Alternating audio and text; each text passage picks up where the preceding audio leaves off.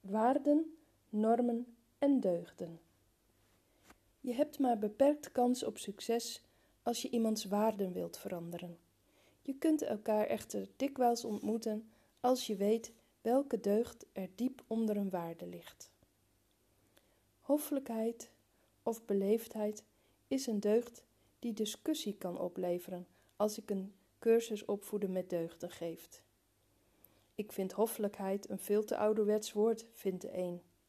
Nee, juist niet. Dat is nou echt een deugd die we in ere moeten herstellen, vindt de ander. Mijn vader houdt nog altijd de deur voor mij open. Ik kan dat wel waarderen. Welke man doet dat nog? Ik was laatst voor mijn werk in België. De mensen daar weten ook nog wat hoffelijkheid is. Het voelt haast ongemakkelijk, maar komt ook vriendelijk en gastvrij over. Wie heeft er eigenlijk gelijk? Niemand. En daarom ben ik blij dat deze discussie ontstaat. Het wordt duidelijk dat iedereen verschillende waarden heeft en dat we van hieruit denken, handelen en oordelen. Maar is hoffelijkheid dan een waarde? En wat is nou het verschil tussen deugden en waarden? Het is boeiend om hierover met elkaar van gedachten te wisselen. Waarden blijken meer persoonsgebonden te zijn. De een hecht waarde aan een mooie auto en de ander kan zich niet druk maken om het uiterlijk, als de auto het maar doet. Je zou kunnen zeggen dat de eerste persoon vooral waarde hecht aan de schoonheid van de auto en de ander aan de betrouwbaarheid. Dit zijn beide deugden, dus beide hechten waarde aan deugden. Eigenlijk kun je zeggen dat iedereen, hoe dan ook, waarde hecht aan deugden. Waarden zijn cultuurgebonden, terwijl deugden in alle culturen belangrijk worden gevonden. Wereldwijd hecht men waarde aan deugden zoals moed, verantwoordelijkheid en respect. We geven er alleen verschillend vorm aan. In veel islamitische landen is het een teken van reinheid om je schoenen bij de deur te laten staan.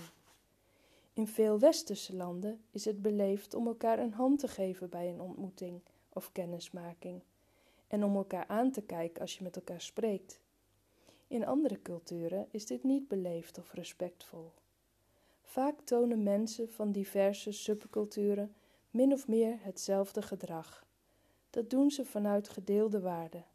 En aan die groepsgewonde waarden zit dan ook een grens vast, een norm. Een norm ontstaat als je een grens met elkaar afspreekt, openlijk of stilzwijgend. Het is, het is volgens de Nederlandse norm normaal om dankjewel te zeggen als je een plakje worst, krijgt bij de slager, of om in de bus op te staan voor een ouder iemand en je plaats af te staan. Doe je dit niet, dan vindt men je onbeschaamd of onfatsoenlijk en val je buiten de groep. Als Bas geen dankjewel zegt bij de slager, dan word je daar als moeder op aangekeken, vertelt Irene. Maar ik vind dat het dankjewel zeggen eigenlijk vanuit Bas zelf moet komen, want als ik erop aandring, dan is het toch geen oprechte dankbaarheid meer. Ik denk dat het in dit voorbeeld inderdaad eerder om dankbaarheid gaat dan om beleefdheid. Ik ken Bas en zijn stralende glimlach als hij ergens blij om is. En daarmee laat hij de slager vast en zeker dankbaarheid zien. Misschien is hij nu nog te verlegen om dankjewel te zeggen. Ik zou er dan zeker ook niet op aandringen, antwoord ik Irene. Je kunt wel zelf met vriendelijkheid de slager bedanken. Uit onderzoek blijkt dat kinderen vooral gedrag van ouders of andere voorbeelden uit hun omgeving kopiëren. En als ouder kun je deze deugd in je kind aanmoedigen door aan te geven wat goede manieren zijn, volgens jouw norm. Je kunt je kind uitnodigen om jou daarin te volgen en je geeft zelf het goede voorbeeld. Wat moet je nou niet doen? Veroordeel anderen niet om hun gedrag of hun waarden. Het geeft jou en die ander een naar gevoel. De ander komt meteen in verzet en er ontstaat gemakkelijk een ruzie of een vervelende sfeer. De kans is klein dat hij of zij bereid is zijn of haar gedrag of waarde aan te passen.